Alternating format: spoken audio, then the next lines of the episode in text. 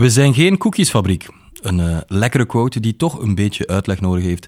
En die gaan wij vandaag ook krijgen. Want ja, hallo lieve luisteraars. Je bent hier weer bij de Agency Live podcast. Ik ben Robin van Teamleader. En in deze podcast leg ik interessante stemmen uit Nederlandse en Belgische bureaus op de rooster over hoe ze hun agency runnen. Dat doe ik samen met mijn ravissante sidekick, Louise van Comenco. Dag Louise. Hoi Robin. En nu heb ik wel zin in koekjes, Robin. En er zijn hier enkel appels. Louise, het kan niet altijd ongezond zijn. New year, new you. Zo moet je denken. Healthy lifestyle. Healthy lifestyle, ja. ja. Dat, dat, dat, van de man die net zijn 36e tas koffie achterover heeft geslaan. Healthy lifestyle. Zeg mij niet wat ik moet doen, oké, Louise? Goed, na deze iets wat coole intro moeten we misschien meteen naar onze gast van vandaag gaan, Louise. Want dat is niemand minder dan Werner van Ona. Dag Werner de Smet. Dag iedereen. Ah, hallo. Werner, jij, jij, kwam eerder al eens langs in Agency Live. Blij Inderdaad. dat je terug bent. Toen had je het samen met uh, Thomas van Unlimited Productions en Petra van LDV uh, eh, over project en people management. Ja. Vorige keer dat we jou zagen. Uh, voor de luisteraar, al die gesprekken kan je vinden op agencylive.be en agencylive.nl. Leuke dag, Werner, vorige keer. Ik heb daar enorm van genoten, ja, dat moet ik nu wel zeggen. dat was de eerste keer dat ik aan zoiets deelnam. Ik heb ontdekt dat ik dat eigenlijk graag doe, maar ik word heel weinig gevraagd. Bij deze is dat ook weer oproep aan de luisteraar. Uh, Als er iemand, iemand nodig heeft voor een podcast, eender welk onderwerp, I'll take it. nu, nu, nu zeg je iets, maar oké, okay, eender welk onderwerp, bel naar Werner. Allee, in 2023 gaan we Werner horen in elke podcast. Ja, uh, ja. ja cool. Dat is goed voor mijn ego. Het gevoel dat er toch iemand naar mij luistert. Um, vandaag, Werner, gaan we jou uh, nog eens extra aan de tand voelen over een, ja, een beetje een heikelpunt bij alle bureaus die wij tegenkomen, namelijk capaciteitsplanning. Ah, ik dacht geld. Ook een heikelpunt, een van de vele. Die twee hangen een beetje samen, denk ik. Ja. Klanten. Ja. Klanten. Nee, oké, okay, goed. Capaciteit. Oké. Okay.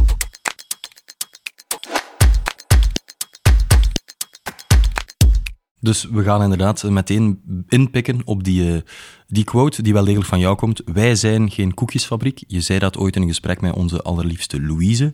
Ik herinner mij dat niet helemaal, maar ik denk wel ik weet wat ik toen bedoelde. En dat is dat een agency, voor elk uur dat er gefactureerd wordt, iemand iets moet presteren. En dat kan je niet zomaar vanzelf opschalen. Hè. Dus uh, in een koekjesfabriek, als er iemand uh, drie ton koekjes maakt op een maand en die zegt ik moet er ineens uh, zes ton maken, dan moet hij wat aan knopjes draaien. maar dat betekent niet dat hij ineens heel veel meer mensen nodig heeft. Bij ons is dat eigenlijk anders. Dus voor elke vraag die er gesteld wordt, moet er iemand presteren. En dat uh, kan voor heel wat uh, spanning zorgen binnen een organisatie. En hoe zorg je dan voor dat die spanning niet te hoog oploopt, Werner? Dat is een heel goede vraag. Het is natuurlijk een samenspel van heel veel uh, dingen. Ik denk dat dat in de eerste plaats erop aankomt om heel goed in te schatten wat bij het begin van het jaar uw workload zal zijn en hoe je dat die optimaal denkt te verdelen over het teams en hoeveel mensen dat je daar voor nodig gaat hebben. Dus dat zijn oefeningen die wij zeer grondig doen en die wij eigenlijk twaalf keer op een jaar uh, herhalen om te zien waar we staan. En ik denk eigenlijk basically dat elke leadership meeting bij ons toch een stuk over capaciteit gaat. Kunnen we projecten plaatsen? Kunnen we ze handelen? Kunnen we ze goed handelen? Loopt het uh, zoals we willen dat dat loopt? En voelt iedereen zich nog goed bij de manier waarop dat het loopt? En dat is iets dat eigenlijk constant uh, gemonitord moet worden iets dat Orbit bij kan helpen, maar waar dat heel veel input nodig is uh, van de teams. Ja, Orbit kan erbij helpen. Daar heb je het, daarmee bedoel je de, de, de software tool die je uh, along the site ervoor gebruikt. Ja. Maar je zei ook we, we doen dat twaalf keer per jaar. We, is dat dan je leadership team? Uh, dat is inderdaad het, het leadership team, ja. We, en, we doen dat ook met onze klanten. Hè. Dus we hebben twee keer per jaar wat we dan noemen staffing meetings met onze klanten. En we hebben maandelijks meetings waarin dat de, workload van de teams uh, tegen het licht gehouden wordt. En we proberen daarbij de toekomst altijd zo goed mogelijk uh, te voorspellen. Hè. Dus wij maken bij het begin van het jaar een aantal aannames, zowel op, plek van hoe, gaan, hoe denken wij dat onze klanten gaan groeien, welke capabilities hebben wij nodig op die groei van die bestaande klanten, hoe kunnen wij bestaande klanten nog verder optimiseren En welke nieuw business gaan wij dit jaar doen en welke capabilities hebben wij in die nieuw business nodig? En daar proberen we zo goed mogelijk beeld van te hebben. Op een bepaald moment wordt er afgeklopt. Hè. We zijn van 20% vooruit, 10% daar, 5% daar, 5% daar. En dan wordt dat uh, maandelijks opgevolgd. We gaan ook op het begin van het jaar dan zeggen, we hebben daarvoor 22 mensen nodig, die en die en die profielen. Dat is natuurlijk allemaal in het begin heel hypothetisch, maar hoe sterker dat je op die hypothese werkt en hoe sterker dat je op die opties werkt, hoe meer dat je dan tijdens het jaar ook dan gaat zien wat je effectief uh, nodig hebt. Het is hoe harder dat je op hypotheses werkt, hoe duidelijker dat je gaat weten welke hypothese de juiste is. Dus je stelt voor jezelf een hypothese en dan ga je die op onderzoeken met bepaalde leden van het team en die opvolgen doorheen ja. het jaar om te zien of dat ze nog steek houdt. absoluut. En dat is echt een heel intens proces. Wij zijn daar nu, hè, ons, uh, ons jaar begint op 1 april. Ik denk dat wij al uh, drie maanden bezig zijn met ons financieel plan voor volgend jaar. En dat, eh, dat heel het uitgangspunt van dat financieel plan is wat is onze groei en hoeveel capaciteit moeten wij daar tegenover zetten. En dat is een discussie waarbij dat ook HR eh, een heel uh, grote zeg heeft. Hè. HR en de business unit managers, uh, die hypotheses die worden allemaal ook gecleared bij de business unit managers, hoe dat zij de groei van hun portfolio inschatten.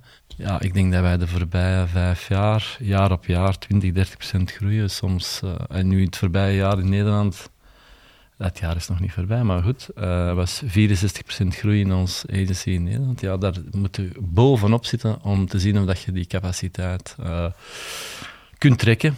Dus jullie betrekken ook wel HR, de business unit zelf, bij, bij het opvolgen van hoe, hoe loopt het dan met die hypotheses?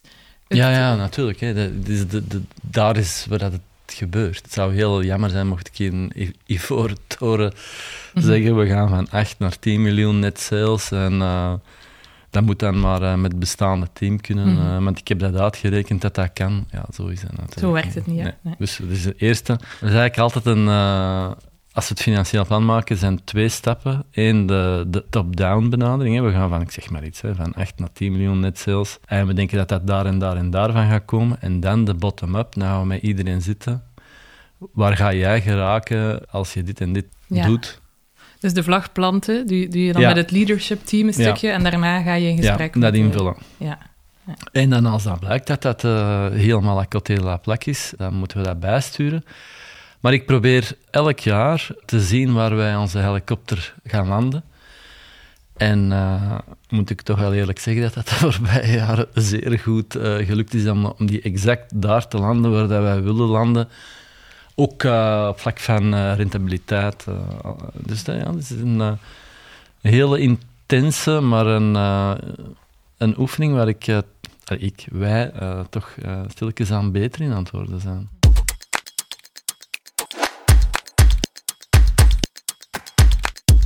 Waar je ook wel, denk ik, vrij trots op mag zijn ben geen expert in de groeicijfers van een gemiddeld uh, creatief agency, maar die, die 64, 35 en zo, die je daarnet vermeldde, lijkt me behoorlijk, uh, behoorlijk mooi. Dus denk je dat een rechtstreeks gevolg is van hoe sterk jullie bezig zijn met die capaciteitsplanning en die, die planten van die vlag? Dat heeft daarmee te maken, maar het, gaat zeker over nog veel meer dan dat. Ik denk dat we in de eerste plaats gaat over de creatieve propositie die wij in de markt uh, proberen zetten uh, heel goed kijken naar de problemen die wij denken die wij voor onze klanten kunnen oplossen. En wij hebben een zeer uh, rigide business development strategie die volledig uh, organisch is. By the way, wij doen geen acquisities of...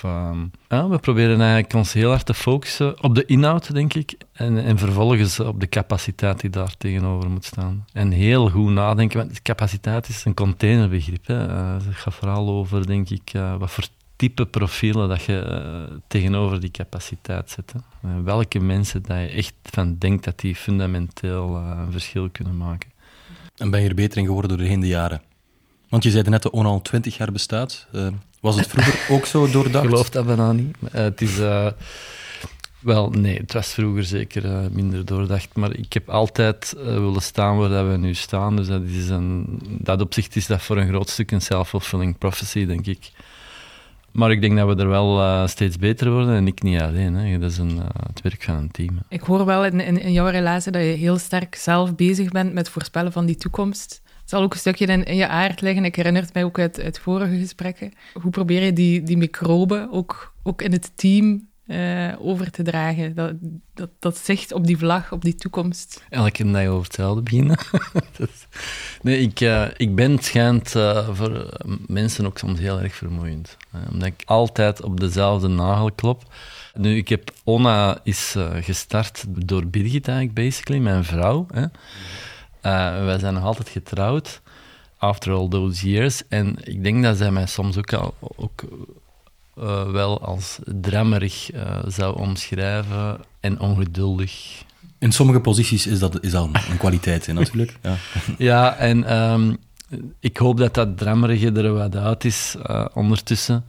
Het was iets, iets bouwen dat, you know, um, dat er stevig stond en dat op een rendabele manier kon groeien, dat op een menselijke manier kon groeien. Want als, je, als, als groei u, een beetje een leidmotief is, ja, dan moet je natuurlijk ook heel hard voor zorgen dat de mensen die voor die groei zorgen, dat die zich daar ook uh, goed bij voelen. En wij proberen echt heel erg hard met alle teams te kijken van als we dit jaar van A naar B gaan, welke profielen heb je nodig? Wat zijn uw belangrijkste bottlenecks? Hoe gaan we dat aanpakken? Dus, dus dat is een, een permanente discussie en is een discussie die heel hard mee wordt opgevolgd ook door HR. Eh, en bij ons noemt dat Organization and People Development. En dat klinkt als een, ja, dat is toch gewoon een ander woord. Nee, dat is een heel andere focus dat wij daar uh, gelegd hebben. En we hebben in het recruteren van onze HR-managers, die ook in het leadership team zit, echt naar de expertise van organizational development gezocht. En dat is voor mij echt zo, Jezus, van, ah, dit is uh, wat wij nodig hebben. Uh, dit is de focus van, van die rol. en daar waar dat, dat in veel, enfin, alle agencies, dat is ondertussen lang geleden dat ik uh, gewerkt heb vroeger, maar dat was HR ofwel niet bestaande, ofwel een soort van loonadministratie. Ja. Bij ons Annemieke is wat mijn belangrijkste gesprekspartner in het managen van die groei en het managen van mensen. Want die mensen die er dan... Het is niet omdat je mensen hebt dat die dat ook ineens allemaal kunnen. Hè. Die, iedereen heeft een, toch een hele inloopperiode. Zeker hoe meer dat wij groeien, die expertise gaat altijd maar dieper. Dus hebt, uh, we hebben heel hard gewerkt het voorbije jaar ook aan onze onboarding-strategie en onze learning and development om ja, die capaciteit op te schalen. Hè. Dat is niet gewoon... Ja, er zijn ik heb 100 uur verkocht, ik heb hier uh, uh, zoveel mensen en die kunnen 100 uur werken. Nee, kunnen die dat ook? Hè? Dus dat is een heel leuke puzzel die je moet leggen. En eigenlijk, eerlijk gezegd, is dat toch een van de, de, leuke dingen van onze job, om dat allemaal, you know, make it happen. Ja. Ik, ik, hoor het jou graag zeggen dat capaciteitsmanagement op zich dan een, een leuk aspect is, is van, de, van je job bij ONA. Ik denk dat veel mensen het zien als een soort noodzakelijk kwaad, iets dat ze niet opgelost krijgen. Um, het is de, de crux van uh, scale-up. En dat gaat niet over Excel-sheets. Dat is... Het gaat over mensen. Wie hebben wij nodig? Wat moeten die kunnen? Hoe snel kunnen die vooruit gaan? Hoe, kunnen die, hoe snel kunnen die leren? Ja. En dat is iets dat je constant uh, aanwijst. Soms heb ik het gevoel dat wij PK's over hebben. Hè, van, you know, ons agency is eigenlijk sterker nu dan datgene wat er allemaal aan ons gevraagd wordt. En soms loopt het daar, heb de PK's te weinig en kunnen niet alle groei uh, pakken die er, die, die, er ligt. En ik zie onze agency echt als een groeibedrijf. Hè. Zo heb ik dat altijd uh, gezien en, en niet als een van de vele reclamebureaus uit de hoop. Dus als je straks 10 op 10 wilt op, op capaciteitsplanning, wil dat zeggen dat je alle groei realiseert die je kan, waaruit prachtig werk afgeleverd wordt door mensen die dat gewoon met redelijk veel zin en goesting ook hebben gedaan. Hm? Hij moet bij ons komen werken. Dankjewel, Werner. Uh, talk to me after the podcast.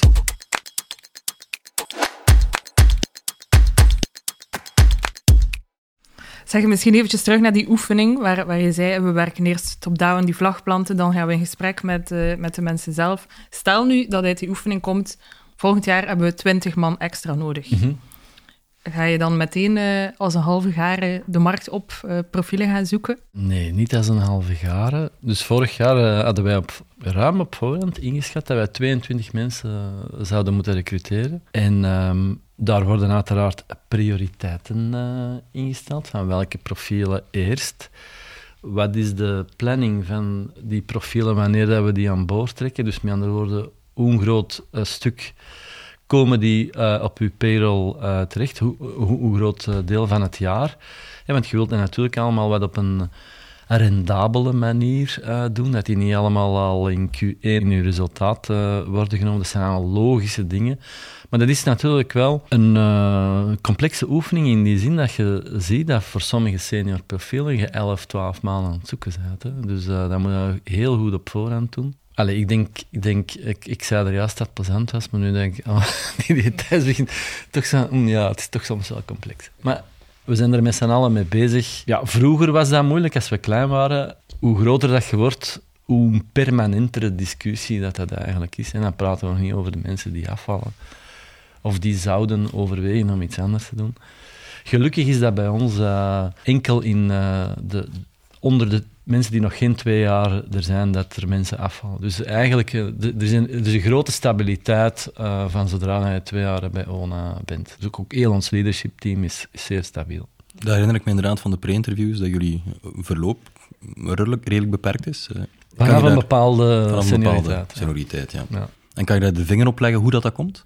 Naast de hygiëne van goede compensation en benefits, denk ik dat wij een sterke cultuur hebben en een, een heel unieke positie in het agency-landschap. Vandaar dat er heel veel interesse is van allerlei financiële partijen ook om in ons in te stappen en allemaal heel erg leuk. Maar ik denk dat, ik denk, ik denk dat cultuur een heel belangrijk uh, element is uh, waarom dat mensen willen blijven. En waarom dat ze, de vraag is eigenlijk, waarom vallen ze af Ergens onder anders. die twee jaar? Dat Ja. is eigenlijk voor, voor mij de vraag. En dat is omdat aan de buitenkant die denken, oh tof, cool, en zien ze wel een leuke merk en een leuke cultuur, dit en dat. Maar dan blijkt dat je bij ons ook eigenlijk best wel pittig eh, moet werken. Er, wordt, er is een hoog tempo bij ons, niet flauw over, het is een fast-paced live. Met een eh, expertise die heel diep gaat en die heel snel evolueert. En je moet dat allemaal eh, kunnen volgen.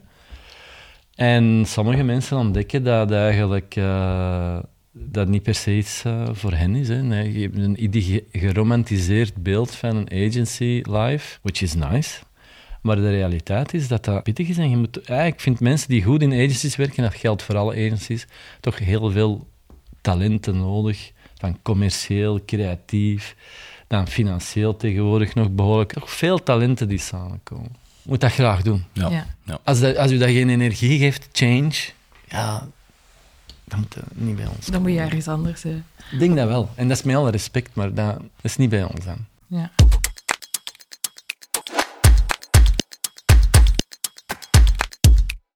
Ja, over die link tussen, tussen de cultuur bij jullie en, en de capaciteit wil ik het straks misschien nog wel eventjes verder hebben. Maar wat ik mij ook wel nog afvroeg, je zegt, hè, als we voorzien in onze oefening, we hebben eh, 20 of 22 man nodig, gaan we ruim op voorhand op zoek naar die mensen. Zo recruteren op het plan dat jullie bouwen, lijkt mij nog manageable. Maar wat doe je bijvoorbeeld als je in, in een pitch zit en je ziet van ja, daar zullen we tien man voor nodig hebben en die pitch zal dan vallen over een maand. Dat gebeurt eigenlijk niet bij ons. Dus dat is al uh, goed nieuws. dat moet ik al niet oplossen.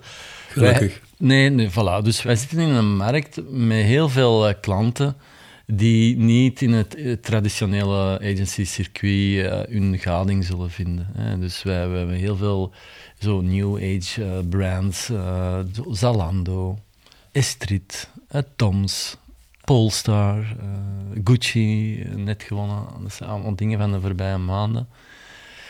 En dat, zijn, dat is niet Proximus. Zo, ik denk, Niet de big corps. We hebben er ook, hè, maar ehm, zo'n Proximus, eh, ik, kan me voorstellen dat het bureau waar zij zit, dat 12, 15 man op die kant werkt. Dat is bij ons niet. De grootste kanten die we hebben de- in het bureau, dat is een team van 7, 8 man. Dus, ça va. En die is ook over vier jaar ontzettend ontwikkeld, die kant. Die is relatief klein begonnen. En we, we, ontwikkelen onze klanten dan verder. En dat doen we eigenlijk met de meeste klanten. De klanten komen voor één of twee capabilities binnen en wij proberen die dan op te schalen. Maar ehm, nee, wat dat betreft hebben wij wel eh, geluk. Hè. Dus het is natuurlijk wel zo, als wij eh 20% eh, groeien volgend jaar, en dan gaan wij natuurlijk mensen moeten recruteren, maar eh, ja, wij, schatten dat gewoon op voorhand in. En, ik, zeg 20% van het jaar en het zal 20% zijn. En misschien 18% of 22%. Dus als je dat nu al weet, oh, dan is dat onafhankelijk van hoe dat, in hoeveel stukken dat je die, die groei kapt. Hè. Het dan vier prospecten zijn dat je klant maakt, of zes. wil wel zien. Hè? Dus nee, ik kan het eigenlijk redelijk goed inschatten. Dit is een uh, ja, is exercise. Ja. Oké, dus geen natuurlijk aangeboren talent om zo heel specifieke groeicijfers te, te verzinnen. Ja, ik denk dat wij gekozen hebben voor de juiste... Alleen in alle bescheidenheid, we hebben gekozen voor een aantal zaken waar dan nog year-on-year uh, groei in zit. In alle literatuur tot 2030. Uh, wij hebben daarvoor gekozen om daarvoor te gaan. En uh, dus wij groeien met de markt mee. Hè. Ik bedoel, we hebben niks zo iets straf uitgevonden. Hè. Mm -hmm. Slim, gewoon slimme keuzes gemaakt, ergens strategisch. En, en, en slim. Nog steeds. Achteraf gezien is dat plezant om te zeggen dat dat slim was, maar ik kon niks anders. Dus ik, ik heb gekozen voor hetgeen wat ik kon. Ja. Nee, nee. Dus ja, alle gekheid op een stokje, dat is... Uh, een, we hebben gekozen voor dingen die emerging waren, die toen uh, niche waren en die nu helemaal mainstream worden. Dus die evolutie uh, ja, die is natuurlijk schitterend. Hè? Omdat als je kijkt historisch, je hebt zo bureaus als These Days, die, die zijn begonnen met websitejes maken. En ineens wordt dat een, een, een groot mainstream bureau, die, die, die winnen heel wat prijzen. Boondoggle, ook van een uh, digitaal bureau ineens. Um, um, we gaan die meespelen in de Champions League. Wij komen van een... Wij zijn ook een expert agency, hè? PR, influencer marketing, uh, al die bazaar. En wij, dat wordt allemaal mainstream nu wat wij doen. Hè? En mainstream bedoel ik niet mainstream, mainstream, maar uh, veel, wij, wij, zijn een oplossing voor heel veel klanten nu geworden. Daar waar wij vroeger in, met, met veel meer niche-markten zitten, zijn nu uh, grote corporates die ook bij ons komen aankopen van oh, we hebben dat ook nodig. Ja, en, en dat moeten wij goed aanpakken. Dus als je die als je dat dan goed managt en je managt die capaciteit goed, dan groeide op een trend. Uh, niet op een bijna natuurlijke manier. Ja, klanten die komen naar ons omdat wij, het is niet allemaal mijn verdienste, maar wij hebben een propositie die nu goed in de markt ligt en wij moeten zien dat wij die capaciteit kunnen volgen, omdat die vraag vanzelf komt.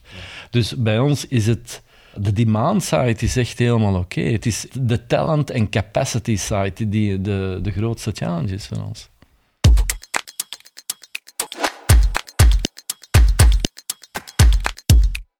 Ja, Werner, heel fijn om te horen dat jullie uh, organisch kunnen meegroeien op, op de groeiende demand en de markt. Misschien even de, de, de vraag terugstellen. Um, heb je die demand ook wel eens overschat in het verleden uh, en, en te enthousiast aangeworven? Of is dat nog nooit voorgevallen? Nee, dat is eigenlijk uh, nog niet. Jawel, ook oela. Ja, inderdaad. Nu, ik herinner mij een moment in de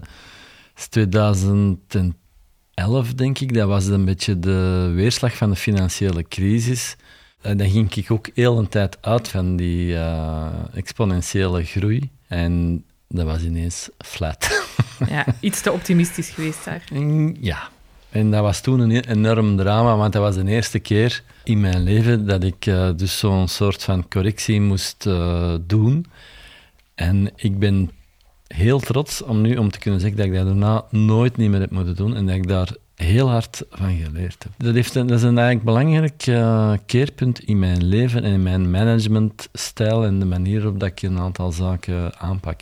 Dat was eigenlijk een traumatische ervaring, achteraf gezien mensen ontslagen is echt niet leuk. En zeker niet als je zo, ja, laten zeggen, verslaafd bent aan dat groeimodel en, en, en dat je dat je wilt groeien omdat je dat de mensen wilt doen groeien en omdat je you, want to get somewhere en dan ineens lukt dat niet en dan is dat hard nut to crack.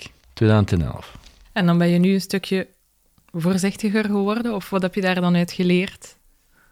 Maar ik denk dat ons bureau een stuk steviger staat. Dus uh, wat betreft ambitie uh, naar groei toe uh, ben ik nog altijd de, dezelfde, denk ik.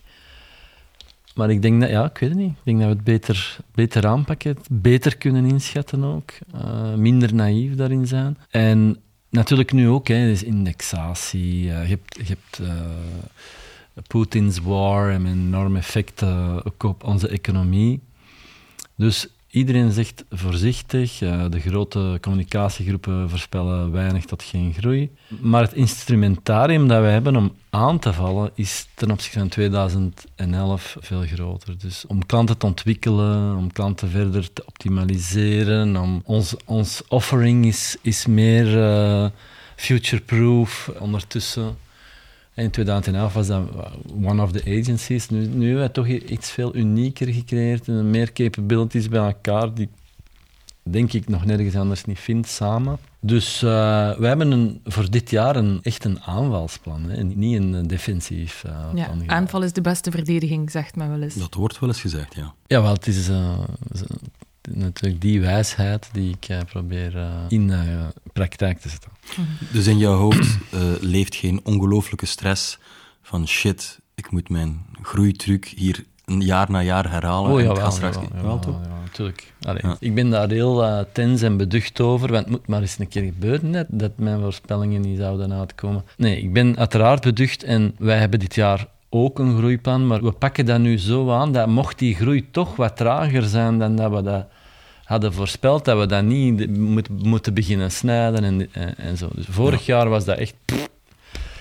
100% voeten vooruit, 20 man eraan, uh, eh, 20 man erbij. Nu zijn dat in een, aantal contingencies dat we willen recruteren. Okay. Als de groei materialized. Dus ik ga iets voorzichtiger zijn wel dan vorig jaar. Een van de dingen dat jullie een beetje speciaal maken in het landschap is, jullie werken niet zo heel veel, als ik dat goed begrepen heb, met freelancers. Klopt dat? Ik weet niet of dat, dat uniek is, maar het is wel zo dat onze core expertise zo specifiek is dat je daar eenvoudigweg geen freelancers voor vindt, heel vaak. Omdat die gewoon nog niet bestaan. Dit gezegd zijnde, ik hou er wel aan om als wij op onze belangrijkste klanten werken en uh, belangrijke pitches doen, dat dat helemaal gebeurt door mensen die bij ons werken. En ik zie soms in uh, agencies dat uh, pitchteams dat die bijna volledig bestaan uit freelancers. Dan vind ik dat echt en ik denk, hoe kan dat nu? Die freelancers werken ook ergens anders. Dus wat jullie, wat jullie doen is inwisselbaar. En dat is ook zo. Hè? Of je nu bij bureau A of bureau B gaat, heel vaak is dat inwisselbaar. Dat wil ik vermijden. Dit gezegd zijnde, ik denk dat freelancers nuttig kunnen zijn om uh, ad hoc capaciteitsissues op te vangen. Maar om dat in het hart van de organisatie te zetten, no way.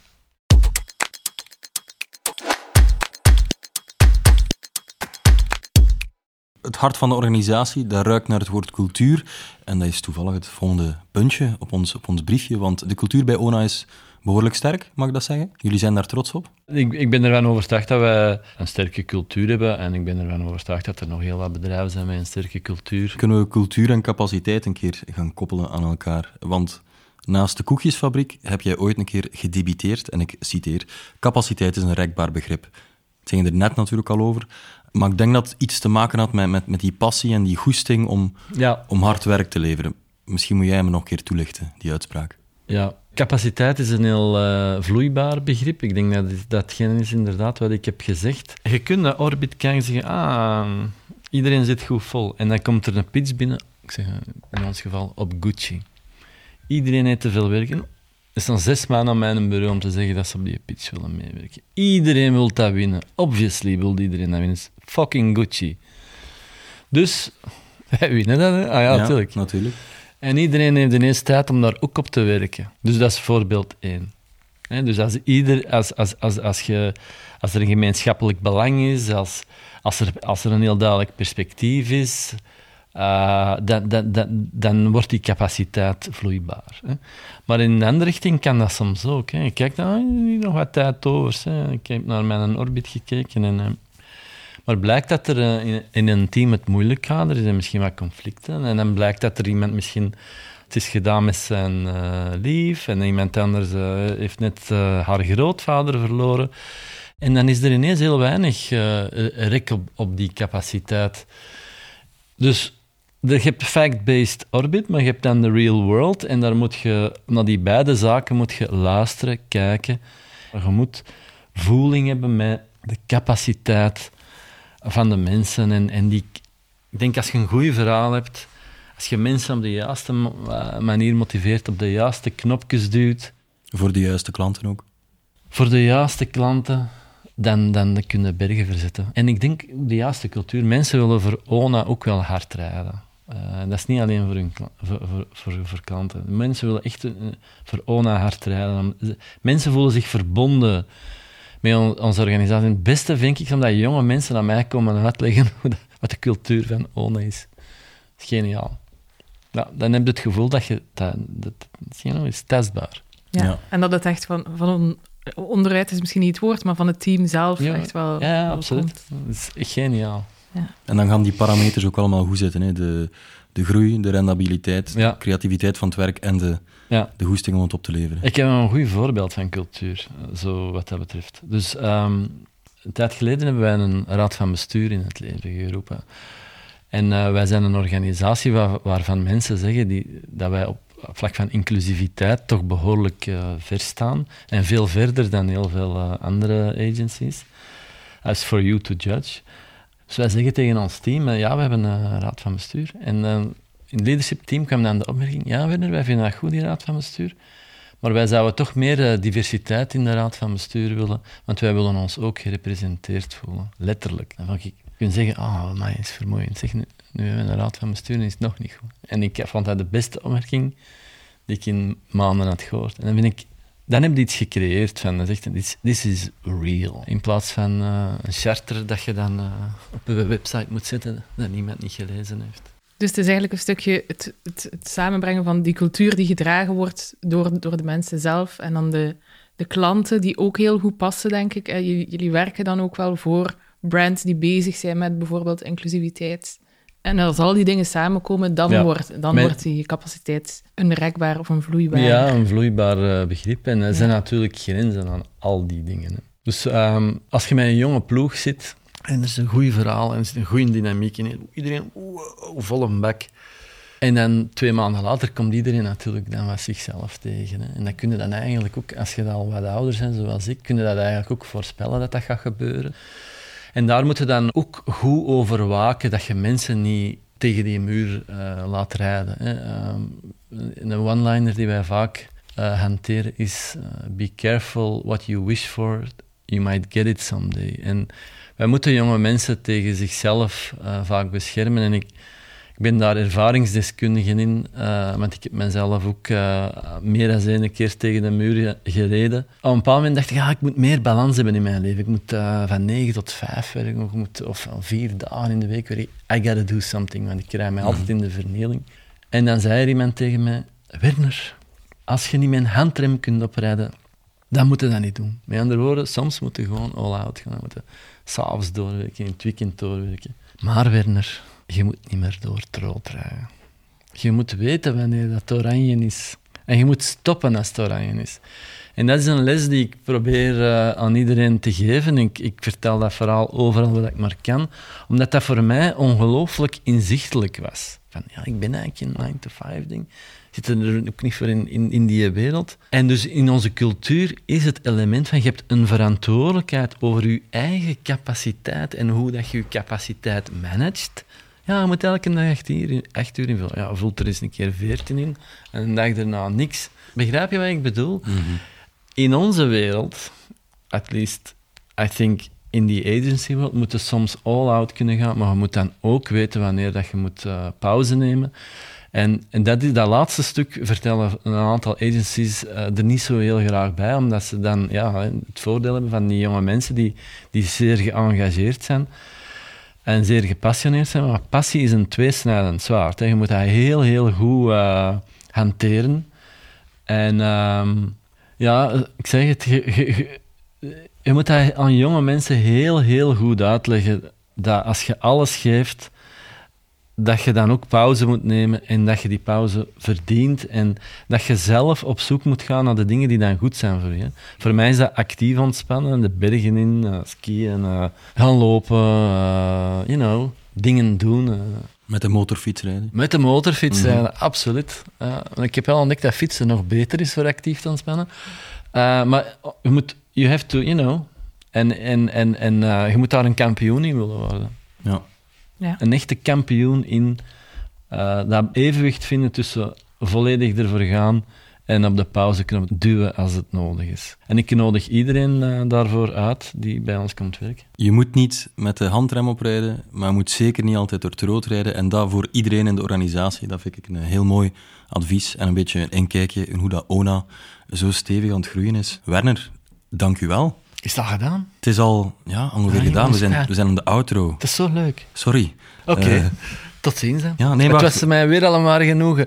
Dus eh, bij deze nog een, la- een laatste oproep voor mensen die een podcast, eender welk onderwerp, ik kom opdagen. Ja. En ik zal nog aan mijn eh, uitspraak werken daar. Met mooie metaforen over rijden in auto's, handremmen en rode lichten en zo. Die krijg je er zomaar bij. Voice actor Werner. Oké, dankjewel voor deze eh, open sollicitatie. Gezondheid. Wil jij, beste luisteraar, eh, naast eh Werner Boeken voor, voor allerlei podcasts, wil je daarnaast ook nog dieper duiken in capaciteitsplanning, om het even goed te doen als, als Werner dat bij ONA doet?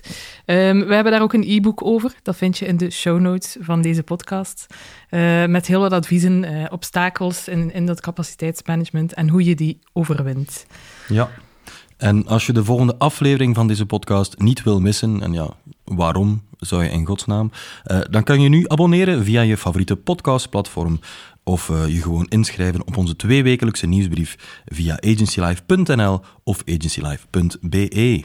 Wij zijn er terug over enkele weken en eh, hopelijk ben jij er dan ook weer bij, beste luisteraar, en jij ook, hè, Robin. Jazeker. Tot dan. Dag.